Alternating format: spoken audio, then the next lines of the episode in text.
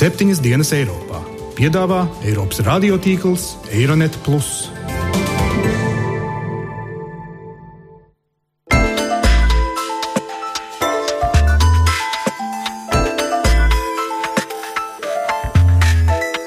Šonadēļ septiņas dienas Eiropā dzirdēsim. Tas nav nekas slikts, ne labs. Tāpat nāvis, kur var gan sugriezt, gan cilvēku nogalināt. Populisms tas var būt destruktīvs un graujošs, postošs, un tas var būt arī ļoti konstruktīvs un pozitīvs.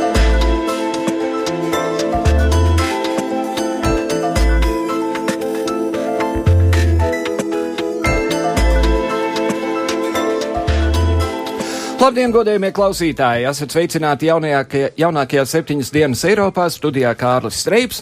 Šonedēļ raidījums ir veltīts notikumiem otrpus Atlantijas okeāna, jo pagājušajā nedēļā Amerikas iedzīvotāji izvēlējās jaunu prezidentu un droši vien visi jau ir dzirdējuši, es ceru, ka ir dzirdējuši, ka janvārī Balto nāmu pārņems neviens cits kā Donalds Trumps. Protesti pret viņu notikuši ne tikai daudzās Amerikas pilsētās, bet arī Berlīnē. Tā ir pilsēta, kas zina, ko nozīmē mūra robeža. Turklāt Trumps tika ievēlēts Berlīnai un visai Eiropā būtiskā datumā - Berlīnas mūra krišanas gada dienā. Par Trumpu jau pēc brīža būs saruna mūsu studijā, bet vispirms atskatīsimies uz pagājušās nedēļas notikumiem tepat Eiropā. Vakar Francijā atzīmēta Parīzes slaktiņa gada diena. Tur pirms gada teroristu uzbrukumos dzīvību zaudēja 130 cilvēki. Parīzē tika atklātas vairākas piemiņas plāksnes par godu bojā gājušajiem. Sestdien koncerts zālē Bataklāna, kur tika nogalināti visvairāk cilvēku, notika pirmais koncerts kopš slaktiņa. Francijā joprojām spēkā ir ārkārtas stāvoklis, un Francijas premjeras Manuels Valsts intervijā BBC norādīja, ka tas tiks pagarināts, jo joprojām pastāvot risks, ka varētu tikt atkārtots Nīcas terorakta scenārijs. Priecīgākas ziņas nāk no Vācijas. Tur valdība lēmusi, ka līdz 2050. gadam valsts samazinās siltumnīcas gāzu emisijas 80 līdz 95% apmērā. Vienošanās panākta pēdējā brīdī, jo jau šonadēļ Marakešas klimata konferencē notiks augstākā līmeņa tikšanās, kur pēc Trumpa uzvaras no Vācijas tiek sagaidīta globāla līderība klimata jautājumos. Tikmēr Lielbritānijas valdības juristi meklē veidus, kā pārliecināt augstāko tiesu, ka parlamenta balsojums par Brexitu nav nepieciešams. Šobrīd medijos nokļuvis viens no iespējamiem argumentiem, proti juristi pētot, vai ir iespējams, ka parlaments varētu apturēt Lisabonas līguma 50. panta darbību, pirms Lielbritānija reāli pamet ES. To vai šis arguments strādās un to būs vai nebūs parlamentam jābalso par 50. 50. panta iedarbināšanu, uzzināsim decembra sākumam. Bet pievēršoties šīs dienas galvenajam tēmatam, ASV jaunajam prezidentam ir daudz jautājumu, par kuriem satraucas neviens vien pasaules iedzīvotājs. Kā Trumpa prezidentūra ietekmēs ASV attiecības ar Eiropu un Krieviju? Kas notiks ar cīņu pret klimata pārmaiņām, un vai prezidents Trumps ASV nozīmē, ka, piemēram, Franciju var sagaidīt Putina sponsorētā prezidenta Lapēna? Lai meklētu atbildes uz šiem jautājumiem, studijā šodien esam aicinājuši kolēģi Uģi Lībieti no Latvijas radio. Labdien! Labdien! Un Latvijas starptautisko pētījumu centra izpildirektori Gundu Reiri. Labdien! Labdien! Uh, Uģi, sāksim ar tevi. Tu nu pat biji Amerikā un tieši šajā kontekstā. Ko tu tur redzēji un dzirdēji un ar kādiem iespaidiem esi atbraucis mājās? Uf, jā, būt biju. Protams, droši vien tā kā daudziem tas pārsteigums varbūt bija, bet uh, es gribētu teikt, ka laikam man viņš nebija tik liels tas pārsteigums, jo es jau šajā vasarā uh, biju Amerikā un uh, nedaudz pabraukāju vairāk uz Amerikas vidieni. Un tā sajūta, kas jau man tajā laikā radās, ir, ka jo tālāk tu brauc no lielām pilsētām, jo mazāk cilvēki zina par to, kas ir Hillary Clinton, un vairāk vēl jau vairāk viņi mazāk grib zināt par tādu cilvēku kā Hillary Clinton. Un līdz ar to man visu laiku iekšā kaut kur tas gruzdēja, tā sajūta, ka var būt pārsteigumi, bet es laikam mēģināju kaut kā to apspiest sevī to domu. Un uh, arī jau pirms vēlēšanām runājot ar dažādiem ekspertiem, faktiski visi komentāri bija vien, vienā virzienā, nu, kas būs tad, kad Hillary uzvarēs, ar ko mēs varam rēķināties, jo uh, arī visi eksperti faktiski atzina, ka neviens īsti nezina, ko tad īsti prognozēt. Jo, um, ja pasaulē pārsvarā mēs satraucamies par to, kāda būs ASV ārpolitika, ko darīs Trumps uh, ar saviem izteikumiem un iespējamām draudzībām uz citurieni, tad, uh, manuprāt, tas mans galvenais secinājums ir, ka šajās vēlēšanās ārpolitika bija ļoti, ļoti kaut kur tālu aizmugurē. Un tas tiešām ir, bija iekšpolitisks balsojums, un vēl viens secinājums, ka gan es kā žurnālists, gan iespējams mani kolēģi un iespējams arī dažādi eksperti, ka mēs šeit Eiropā ļoti maz zinām par Ameriku un par tiem jautājumiem, kas satrauc Ameriku iekšpusē. Mm -hmm. Gunter, kādām sajūtām jūs pamodāties trešdien no rīta? E, trešdien no rīta pamodos visai agri, lai aiziet uz ASV vēstniecības rīkotajām brokastīm, un man ir jāatzīst, ka es biju pārsteigta par to, cik ļoti pārsteigti bija lielākoties cilvēki tajā rītā. Jo līdzīgi kā Uģis nu pat teica, tā sajūta, ka Trumps var uzvarēt, tā bija reāla. Uh, un, un tā ir tāda strausa politika bijusi līdz šim bāzt galvu zemē un ticēt, cerēt uz to labāko, bet uh, patiesībā viss liecināja par to, uh, ka Trumps ir izvēlējies absolūti pareizu ceļu, um, jo par zemu rietumu sabiedrībā, ne tikai Amerikas Savienotās valstīs, arī Eiropā, ļoti par zemu tiek novērtētas sabiedrības emocijas. Ar to es gribu teikt, ka šī augstākā līmeņa neapmierinātība, dusmas, bezspēcība, izmisums, tā, sajūta, ka tādi cilvēki kā es neko nevar ietekmēt. Šie indikātors Amerikas sabiedrībā jau bija vērojami vismaz gadu. Tas bija zināms. Lai gan vienmēr cilvēki tā ir tomēr domājuši, es tāds maziņš, es, es, Bet es jau neko. Šis vilnis šobrīd, mēs viņu no sākuma varējām novērot Eiropā. E, atcerīsimies Nīderlandes veto uh, Ukrainas asociācijas līgumam. Absolūti emocionāls, nekādā racionālā domāšanā nebalstīts lēmums. Brexits tieši tas pats. Mēs varam teikt, ka šie cilvēki līdz galam varbūt nesaprata racionāli, loģiski, par ko viņi balso, bet viņi šādā veidā izgāza tās savas emocijas un mēģināja viņas kompensēt ar, kā, ar, ar nē. Ar nē. Un uh, šī gadījumā mm, jāatzīst, ka Trumps uh, uzķēra to, to noti, to līniju, Eh, kas valda sabiedrībā, savukārt man ir jāatzīst, ka Klintone to neuzķēra. Un, manuprāt, lai arī viņa, eh, protams, eh, savas kampaņas neveiksmē vai, vai vispār savā neveiksmē vaino Džeimsa komija pēdējo vēstuli, kur, kur viņš runā. Jā, runa ir par FIB direktoru. Jā, par FIB jā. direktoru, jā. Tomēr, manuprāt, galvenā neveiksme ir pašā, slēpjas pašā kampaņā, jo ar vienkārši ar antipātiju radīšanu pret Trumpu, to entuziasmu, ar kādu iet šie neapmierinātie cilvēki balsot par viņu, to nevar līdzsvarot. Mm -hmm. Tas vienkārši neatsver to. E, starp citu, Eiropā pašā ir radusies tāda zinātne kā politiskā psiholoģija, tikai tā ir aizmirsta. Un, un, un e, šīs ļoti destruktīvās emocijas ir ārkārtīgi milzīgs politisks potenciāls. Un to Klintona savā kampaņā uh, neņēma vērā, jo tas, ko ta, tie slogani vai tās idejas, ar kurām viņa startēja, viņas bija remdenas, gandrīz neko neizsakošas, ārkārtīgi nopaļotas pret to, nesauksim to par politisko piedāvājumu, bet pret visām tām radikālajām idejām, ar kurām nāca klajā Trumps. Lai gan Let's Make America Great Again arī nav nekāds saturisks. Bet mūris ir saturisks. Mūris ir saturisks. Uh, apstādināt klimata, tātad Parīzes vienošanos un atdot divar pus miljārdus un pēc tam vēl vairāk miljārdus tātad novirzīt uz infrastruktūras projektiem pašā Amerikā, tas, tas kādam var arī izklausīties pēc nopietna politiska piedāvājuma pret to, ko saka Klintone, ka mūsu visus kopā, kopā vieno vienotas vērtības, mums viņas ir jāizstāv. Tas būtībā cilvēkam maz ko izsaka jo būsim reāli, e, katram e, sānus silda paša maciņš. Un tā problēma Amerikā bija tā, ka Klintona e, nespēja uzrunāt to saucamo working class vai šo darba ļaužu masu. Savukārt uh, Trumps to spēja ļoti populistiskā, ļoti nepatīkamā, arogantā uh, veidā, tas, ko mēs arī varam klasificēt kā naida runu. Mm -hmm. Pat līdz tam hate speech. Jā. Bet, bet tā tad uh, tā ir šī problemātika. Jā, uģi, tas ir ironiski tajā nozīmē, ka demokrātu partija vienmēr skaitījās strādājošo cilvēku aizstāvi, un te uzrodas miljardieris, kurš par vienkāršo cilvēku dzīvi nezina neko, un uzstājas kā viņu lielais aizstāvis. Nu, jā, nu, tas jau arī ir redzams, kā ir balsojuši. Nu, pa Klintonu ir balsojuši lielās pilsētas, kur arī ir skaitliski vairāk cilvēku, un tāpēc arī faktiski viņi ir vinējuši šajā te, nu, kopējā balsojumā. Uh, un, uh, jā, nu, šie lauku reģiona nu, maz izglītotie cilvēki, kas ir, kā jau arī pieminēja, šī sabruk, sabrukusi industrija, no kuras viņi paši ir cietuši tagad, un viņi izjūt šo te varbūt tiešām šie te skaļie, skaļie paziņojumi par to, ka kaut kas ir jādara. Man ir grūti izskaidrot, kāpēc varbūt viņi tic miljardieriem, kurš nekad varbūt nav bijis tajā sabrukušai rūpnīcai tūmā.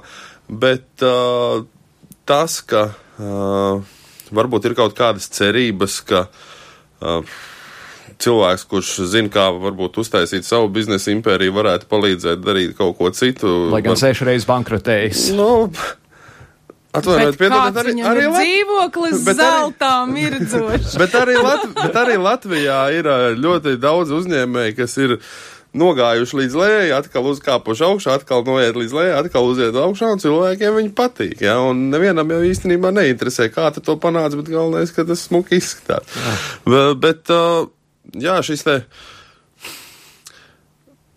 Laikam šoreiz tiešām šis nebija balsojums par, ko izšķīra cilvēki ar baltajām apaklītēm, kā saka, bet šis bija balsojums, ko izšķīra zilās apaklītēm strādājošie. Un, uh, Un, bet tas fenomens, man liekas, varbūt ir arī tajā, ka Trumps ļoti labi zina, kā strādāt ar, ar publiku. Un šajā gadījumā viņš atrada televīzijas šovmenis. Viņš, viņš atrada šo publiku un viņš ar viņu strādāja. Un uh, to, man liekas, tagad atzīst visi, ka um, viņš ir paņēmis ar sociālajiem tīkliem cilvēkus, viņš ir paņēmis ar to pašu televīziju šovu. Tā kā nesen arī vienot komentāros teica, nu, cilvēki uz viņu skatās kā uz televīzijas zvaigzni.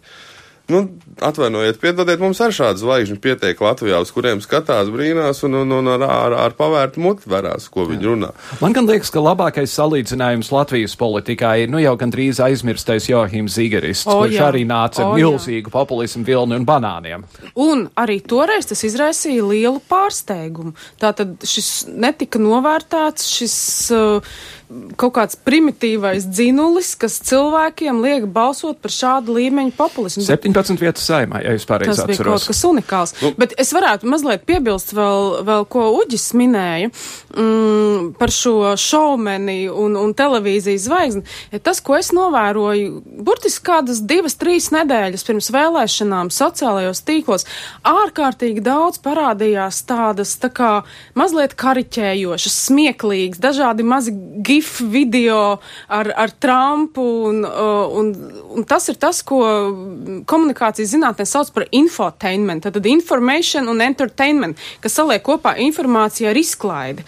Un, uh, tie arī darbojas ar šo infotainmentu, ar šo mazliet smieklīgo, humoristisko piedevu, var, var iegūt ārkārtīgi lielu vēlētāju uzmanību un arī viņu atbalstu. Ja viņš nav tāds pārmērīgi jau pilnībā degradējoši, un tādi šie mazie video nebija. Viņi bija mazliet kariķējoši, kaut kas par ko pasmieties. E, tas cilvēkus paņem, tas ir ārkārtīgi spēcīgs instruments. Jā, jā, jā, es pats izvietoju pēcvēlēšanām uh, gifu, kurā ir, ir bušs jaunākais ar glāzi rokā un tekstu atcerieties mani, un jūs domājāt, ka es biju katastrofa.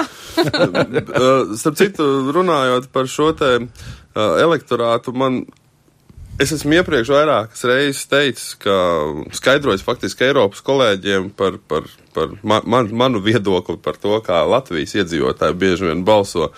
Un uh, es domāju, ka šo te pašu analoģiju varētu pie, pielietot tagad Amerikā par to, ka, teiksim, Austrum Eiropā man ir tā radusies. Uh, tas iespējas, ka cilvēki saka, tā, nu, nemāciet mums dzīvot, palīdziet mums ar kādu lieku rublīti.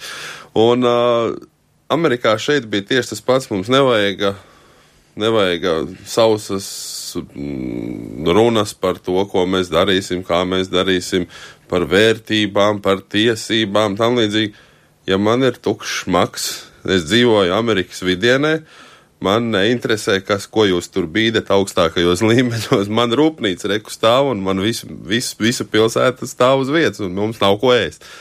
Lai cik tas banāli nebūtu, Amerikā arī šīs tagad strādā. Mm, un tādā ko kontekstā populisms, protams, ļoti nāk, nāk palīgā nāk populistiskiem palīgā, kan kandidātiem. Es varētu pielikt uh, vēl klāt vienu jaunu ideju, arī ļoti nāk atkal modē, e, jo tas, ko es nu pat minēju par Nīderlandes veto un Brexitu, bet, nu, paskatīsimies, tūlīt pēc vēlēšanām mums te brīvdienās notika uh, saskaņas centra kongress Rīgā. Tas, ko mēs varējām redzēt no viņu skatus, bija absolūti pro-Trumpa vai Trumpa stila retorika. Uh, Viņi gan tagad ir saskaņa sociāldemokrātiska partija. Tas nekas, bet piemēru jau ir ņēmuši, un tā tad, tā ir tā viena no negatīvajām lietām, jo mēs varam analizēt, protams, dažādas negatīvos uh, efektus Amerikai, bet es gribētu teikt, ka negatīvs efekts arī noteikti nāks atpakaļ kā precitiens uh, Eiropai. Un mm -hmm. to jau mēs varam redzēt šeit.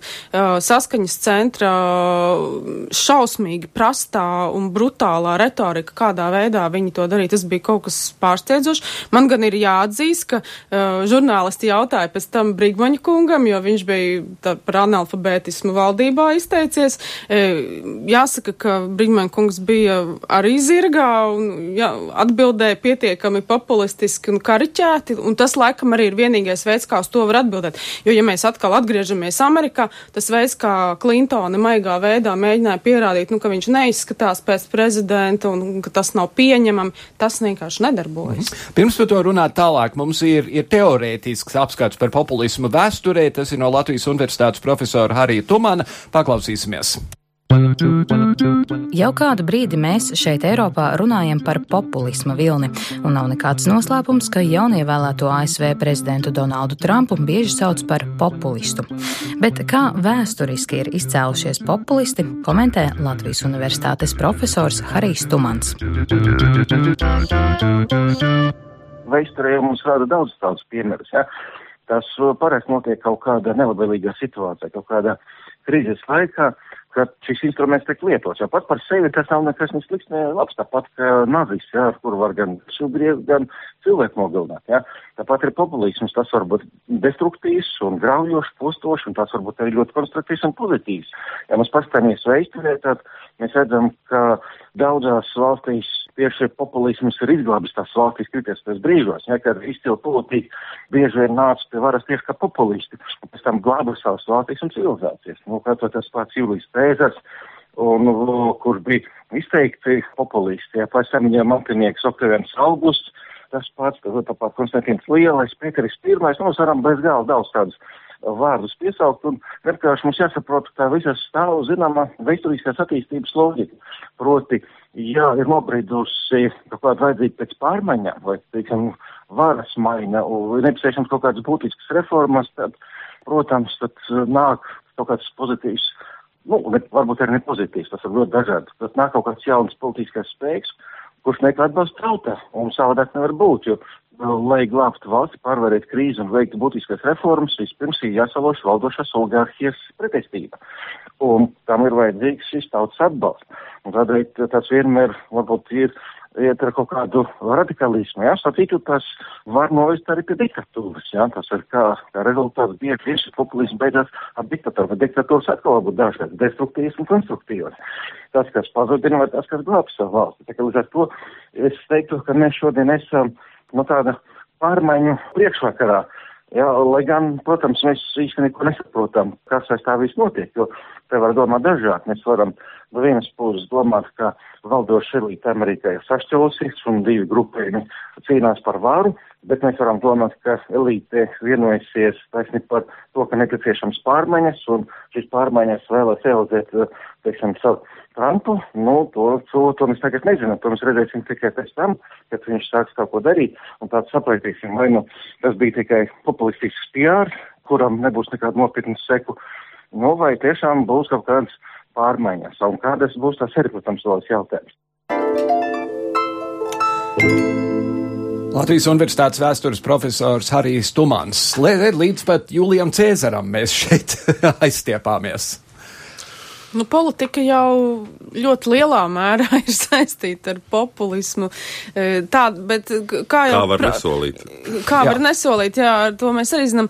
Bet profesors ļoti pamatot norādīja, ka gradāciju tā pakāpe ir ārkārtīgi dažāda. Uh, Tas var būt uh, tiešām tāds solīšanas populisms, vai varbūt mazliet krāšņāks vai piepušķotāks piedāvājums, bet tas var arī būt ļoti destruktīvs process, kas var novest līdz diktatūrai, protams. Nu jā. Gradācija ir, ir ārkārtīgi e, liela, bet Trumpa gadījumā man jāsaka, ka tas ir pietuvojies tuvu tādai sarkanajai robežai. Jā. Cik lielā mērā jūsuprāt tas, tas ir vējš populismu burās šeit Eiropā? Jo, piemēram, Naidžels Farāžs ir gandrīz vai gatavs šķiet UKIP vadītājs no Lielbritānijas pieņemt Amerikas pilsonību un, un kļūt par kaut kādu Trumpa valdības ministru. Jā, nu, tas, tas ir Farāža, man, manuprāt, paša mēģinājums paaugstināt sevi atkal kaut kur, kur viņš, kur viņš nav, bet uh, es jau iepriekš minēju, ka es tajā saskatu risku, jo šis process bija sākotnēji manām šeit, uh, šeit Eiropā, arī Latvijā, iepriekšējās vēlēšanās, un uh, šis šī Trumpa uzvara var vienkārši kalpot kā labs piemērs, kā ar ekstremālu populismu un naida runu var iegūt ļoti lielu vēlētāju balsu skaitu. Un, ja mēs paskatāmies sabiedriskās domas aptaujas, jūs jau, Kārla, arī raidījuma sākumā ļoti pamatot atzīmējāt šīs, šī sajūta par nenovērtētību, izmisums, bezspēcība, dusmas, augstā līmeņa dusmas, tās ir gan Latvijas, gan, gan Francijas, gan citu Eiropas valstu sabiedrībās e, vērojamas, un tie spēki, kuri meklē iespēju vai nu iek piekļūt pie varas vai iegūt lielāku varas kumosu, noteikti tajā saskatā iespēju, jo šis ir absolūti unikāls piemērs, kādā veidā var, var uzvarēt kaut ko sākotnēji šķietam neticam. Mm -hmm. Un, ja mēs runājam par Amerikas tā teikt vienkāršajiem cilvēkiem, bija gadījums pirms pāris mēnešiem, kur Naidžels Ferāšs uzrādījās vienā Trumpa rallijā, un tas, ja nemaldos, bija Mississippi, Amerikas dienvidos, un žurnālisti tur runāja ar tiem, kas tur ir sapulcējušies, viņam nebija ne jausmas, kas ir Naidžels Ferāšs, un droši vien nebija ne jausmas, ka ir tāda Lielbritānija. Nē, nu, varbūt, ja Lielbritānija viņu vēl apmēram zina, tad, tad nevienam nav noslēpums fakts, ka, ja nemaldos, 80 vai cik procenti amerikāņi nav izbraukuši ārpus šau, savu štata, nemaz nerunājot par to, ka iespējams ārpus sava mazā apgabala. Tā skaitā Džordžs Bušs jaunākais, kurš pirms kļuva par prezidentu, nekad nebija bijis ārpus Amerikas. Uh, Atgriežoties pie Farāža, man liekas, nu, viņam ir pamatot jābrauc uz Ameriku. No Eiropas parlamentā pilnvaras drīz beigsies, un arī viņš īstenībā ir tikai pagaidu UKIP līderis, jo tur jau arī ir jau nomainījušies jau līderi atkal nākamie. Viņam tagad tikai pienākumu izpildītājs viņš var būt. Uh, Atgriežoties druskuļi atpakaļ pie tā, uh, ko Eiropa no šī te varētu visu sagaidīt, man liekas, ir divi scenāriji. Viens scenārijs ir, uh, ja Brexits varbūt daļai Eiropas atvēra vienu aci, tad varbūt atvērsies arī otra pēc Trumpa, un ka varbūt šis atbalsts populismam varētu samazināties. No otras puses, rezultāts var būt pilnīgi pretējs. Uh, Marija Lepēna jau tagad ir paziņojusi, ka šis tagad ir Trumpa uzvara, faktiski ir viņai karoks rokā un gandrīz vai garantīja, ka viņa uzvarēs nākamā gada Francijas prezidenta vēlēšanās. Uh, mēs skatāmies uz tiem pašiem infrastruktūras jautājumiem. Tajā pašā Vācijā ir industriālie reģioni, kas stāv tukši. Cilvēki brauc no turienes projām, ir tukšas rūpnīcas, tukš, tukšas mājas. Uh, šie te visi jautājumi var celties augšā. Uh, par to pašu Latviju, nu, atvainojiet, piedodiet, sāksim runāt par reģioniem, cik mums ir attīstīti reģioni. Šis jautājums ļoti daudziem būs uh, sāpīga tēma. Mm -hmm. un, un, un tur, tur, tur, ja to vēl pagriež tiešām ar kaut kādiem skaļiem saukļiem, tas var nostrādāt viegli, jo mēs zinām, ka laukos cilvēki tomēr balso. Bet mēs, ja mēs skatāmies konkrēti uz Latviju, uh, Vācijā ir Die Linke, uh, Francijā ir Francijas Nacionālā fronte, un citur ir, ir, ir līdzīga veida partijas izveidojušās dažos gadījumos jau diezgan sen. Vai jūs Latvijā redzat kaut ko, kas atbilst Francijas Nacionālajai frontei? Un Nē, tik, tik tiešā veidā, es domāju, Latvijā to nav iespējams salīdzināt, arī mūsu demokrātijas vēsture ir savādāka, protams. Bet es jau tikko minēju, saskaņas centrs šo piemēru pārtvēra ātri vien, un mēs jau dzirdējām, ko tik mēs tur nedzirdējām. Uh, bet atgriežoties pie tā, ko Uģis teica, es, es drīzāk piekristu tam otrajam scenārijam, ka, ka tas var nest kādas postošākas sekas, bet tas nozīmē, ka ir pēdējais laiks pienācis Eiropai sasparoties un, un, un sākt kaut kādā veidā akumulēt to spēku, kas, kas Eiropā patiesībā eksistē, bet viņš nav savākts kopā, jo Eiropa ir bijusi ļoti sašķāta. Mēs līdz šim esam ļoti paļaujušies uz Amerikas aizsargājošo lomu, uz šo drošības lietu sargu caur NATO. Protams, ka caur Trumpa Eh, nākšanu pie varas, eh, tā teikt, NATO nebeigsiet, nebeigs pastāvēt un, un šīs drošības garantijas mums ir joprojām. Tomēr, ņemot vērā šī cilvēka neprognozējumu dabu, uh, citējot Klintoni, protams, ka šis ir izšķirošs brīdis uh, pārvarēt Eiropai to līderības krīzi, kādā mēs šobrīd atrodamies, jo vienīgais līderis, tāds īstais līderis, uz ko mēs varam paļauties šobrīd ir Angela Merkele, kurai pašai neiet viegli savā, savā valstī, jau mēs zinām vēlēšanu vietējie rezultāti nav viņai bijuši labvēlīgi. Un tas nozīmē, ka ir jāsāk Eiropai tiešām domāt vairāk par savu militāro kapacitāti, jo arī šeit mēs esam ļoti paļaujušies tieši uz ASV lomu. Uh, tas ir izšķirošs brīdis arī Eiropai pašai, e, jo mūsu strateģiskais partneris šobrīd, e, nu, viņš varbūt nav uz jautājumu zīmes, bet attīstības scenārija nav vienkārši prognozējumi. Man gan ir jāsaka, ka uzreiz pēc vēlēšanām Trumps savu retoriku ir stipri mīkstinājis. Mm -hmm. Tas ir arī jāņem vērā.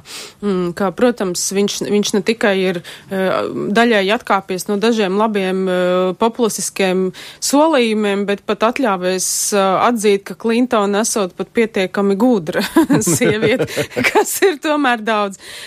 Līdz ar to var būt arī tā, ka, teiksim, šis, šis, šis naids un šo dusmu izmantošana ir bijusi priekšvēlēšanu stratēģija un ka ASV politika var ieg, tomēr atgriezties pietiekami prognozējumā gultnē. Bet, nu, tomēr, ar, es līdz galam nepiekrītu tiem, kuriem saka, nu, nevajag uztraukties, nav svarīgi, kurš ir šis cilvēks, mums tomēr tā sistēma ir tāda paša, paša sev uzturoša.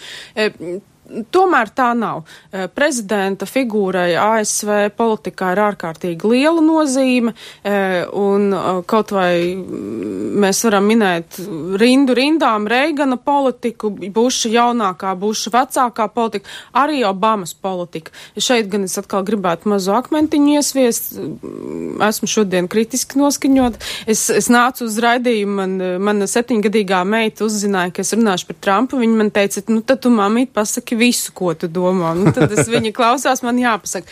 Jo, labdien, septiņus gadus vecā meita. Jā, labdien, Sofija. Sofija. Uh, jā, jo arī Obamas laikā tomēr viņa koncentrēšanās vairāk uz Āzijas politiku un zināma novēršanās no Eiropas, tā bija šeit jūtama. Mm -hmm. Jo sevišķi pie mums Baltijā, kas ir NATO un Eiropas Savienības, būsim reāli perifērija.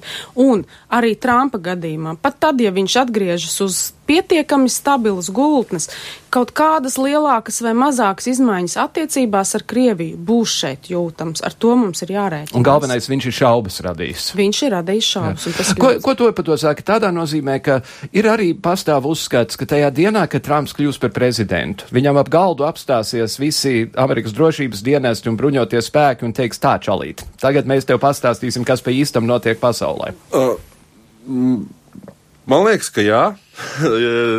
šo, šo te komentāru uh, teica tieši vēlēšana dienā viens no ekspertiem. Viņš teica, nu, ka, ja Klintona tiek kritizēta par tiem lēmumiem, ko viņi pieņem, tad uh, jebkurš no mums, arī Donalds Trumps, izlasot izlūkošanas ziņojumus un paskatoties, kas tur ir iekšā, droši vien reaģētu tieši tāpat. Uh, bet, gan Trumpu, gan Berniju Sandersu bieži vien dēvēja par nu, pret-establishment, ja pastāvošās iekārtas vērstiem kandidātiem. Uh, šodien Trumps ir izraudzījies savu nu, personāla vadītāju, kurš ir Republikāņu Nacionālā kongresa šis te vadītājs, Kom, komitejas, komitejas vadītājs, jā. nu, kas ir faktiski nu, nu, dziļāk vēl, nu, kā establishment persona nevar būt. Uh, šī uzreiz līdz ar to faktiski tiek bruģēti šie tilti ar kongresu, senātu, saiknes ir saliktas kopā. Nu, nebūs nekāda tiešām tik ļoti radikāla izmaiņa. Uh, to, ko saka arī, ka ārpolitikā tomēr lielāka loma varbūt tomēr ir uh, valsts sekretāram. Un Par šeit ir nu, jautājums par to, kādas būs personālijas, kas parādīsies, izvirzīsies, kas varētu būt nākamais Džons Kerijs. Es pilnībā piekrītu tam. It kā tiek runāts Dievs pasarg par Newtu Gingriču, kādreizējo kongresa. Dievs. Nu, ir, gan- ir gan Ņūts Gingričs, gan uh, Džons Boltons, kas varētu būt pat labāks variants. Varbūt, bet- Vanaks. Jā. Jā, bet uh, šie te, nu, tās versijas ir dažādas. Un, uh, protams, tas nav nekad vienpersonisks lēmums, bet uh, arī Obama tiešām tiek, un Amerikā to jūt, ka viņš tiek kritizēts par šo Eiropas pamešanu novārtā. Bet uh, nu, arī atzīsim, nu, Eiropa arī atkal nav bijusi tik droša, kāda viņa tik bruņota un militarizēta, kāda viņa ir tagad. Un, un, un zināms nopelns, protams, tajā ir Amerikai, un to neaizmirsīsim. Uh, runājot par Latvijas politiku, es pieļauju, ka jau mēs redzam un arī redzēsim uz priekšu tiešām tādus, kas centīsies apgāzt pastāvošo sistēmu. Mēs redzēsim uh, kādu politisko spēku, kas domāju, līdzīgi kā demokrātiem aizies diezgan pa skuju taku visai drīzā nākotnē. Varbūt Amerikā tas nebūs tik izteikti, bet, um, kā tagad arī eksperti saka, ka nu, demokrāta partija pašlaik ir uz kādu laiku diezgan pamatīgi. Out. Un vajadzēja būt tieši otrādi. Vajadzēja būt tieši otrādi, bet, bet pašlaik ir tieši, tieši tā, kā tas ir. Jā, bet es eh, attiecībā konkrēti uz Krieviju. Es Jā. Zinu, ka Amerikas drošības dienestos pat labi ir diezgan liela diskusija par to, vai šim cilvēkam var uzticēt valsts noslēpums attiecībā uz Amerikas attiecībām ar Krieviju, kamēr viņš nav līdzis saprast, ko viņš gal galā domā attiecībā uz Jūs šo ziniet, es vakar redzēju vienu mm, ļoti pa, pavisam nesmieklīgu karikatūru, kur uh, ierodas, uh, ierodas Trumps uh, tātad prezidenta kabinetā pie Obamas, un viņa pirmais jautājums ir, kur ir tā kodola poga, un, un ir redzams, ka kabineta vidū ir, ir tāds, tāds, ziniet, uh, cementa maisītājs, un, un uz galda stāv milzīgs sacementēts klucis ar tādu vadiņu iekšā, un Obama ir to pogu iecementējis, zinām, pamatīgā kluci iekšā. E, tā, tā ir tā atbilde. Es domāju, ka nē. E, un attiecībās ar, e, ar Krieviju e, pastāv riski. E, Protams, ka NATO, kā jau es minēju, nebeigs pastāvēt. Mēs esam šīs alianses dalībnieki. Un Pie mums- Stoltenbergs ir pateicis, nekāda atkāpšanās nebūs. Nekāda atkāpšanās Jā. nebūs. Bet kas ir šis risks? Var, eh, ja, ja mēs runājam par ASV un Krievijas attiecībām, tad šobrīd tomēr arī ar nelielām jau atkāpēm, arī jau Obama bija pakļāvies tomēr zināmām Krievijas diktētajām, teiksim, norisēm vai tam domu gājienam. Sīrijā. Sīrijā, jo sevišķi Sīrijā. Kur ir tā problēma? E, izejot uz daudz mīkstākām, maigākām attiecībām ar Krieviju, e, ASV palīdz Krievijai stiprināt tās globālo ietekmi, un tas ir vislielākais risks. Un ārdīt Eiropas Ārdīt sankcijas. un- Eiropas sankcijas, mm -hmm. ārdīt Eiropu, meklēt šos atbalstu punktus Eiropā, un ļoti tas arī, tas noteikti var veicināt, uh, teiksim, to centrālu un austrumu Eiropas valsts, jo sevišķi to, kas ir kādreiz bijuši padomju saimnības valsts, tātad vājināt demokrātiju šajās valstīs un spēcināt Krievijas ietekmi caur ļoti dažādiem aģentiem. Mums jau nav jārunā tikai par militāru iebrukumu, tādu, tādu mēs te neparedzam un tās visticamāk nav iespējams, bet caur nevalstiskajiem organizācijām, caur politiskiem spēkiem, caur dažādām sabiedriskām organizācijām, ar infokāra palīdzību, tātad caur masu mēdījiem un Latvijā Krievijas uh, izcelsmes mēdīs skatās masīvi, mm -hmm. masīvi, un mēs nerunājam tikai par pierobežu, mēs runājam par pilnīgi visu valsti. Šādā veidā, ja, ja ASV pieļauj attiecību kaut kādu ļoti izteiktu uzlabošanos ar Krieviju, Krievija savu lomu pieaudzē. Pret mums tas noteikti nekādā veidā pozitīvi neatsauksies. Jā, manā uztverē šokējošākais par visu šo lietu ir, ka Krievija ir atklāti atzinusi, ka viņi iejaucās tajās vēlēšanās pirmkārt un jā. otrkārt, ka to pašu darīja federālais izmeklēšanas birojas. Tas būtu tā, it kā drošības policija pie mums pēkšņi iejauktos pa labu vienai partijai. Tas ir prātam neapturam. Bet pasaki kaut ko pozitīvu raidījumu noslēgumā. Vai es tieši gribēju kaut ko ne tādu pateikt. Nē, es, es gribēju tieši pateikt par, par Putinu un uh, Trumpu. Es zinu, ka man noteikti pēc tam gānīs par šo teicienu, bet manā uzturē netika, netika pareizi iztulkots viņa apgalvojums par to, ka Putins ir uh, lielisks līderis. Un otrādāk. Uh, jo manā Viņa uzturē. Jā, jā, šim komplimentiem.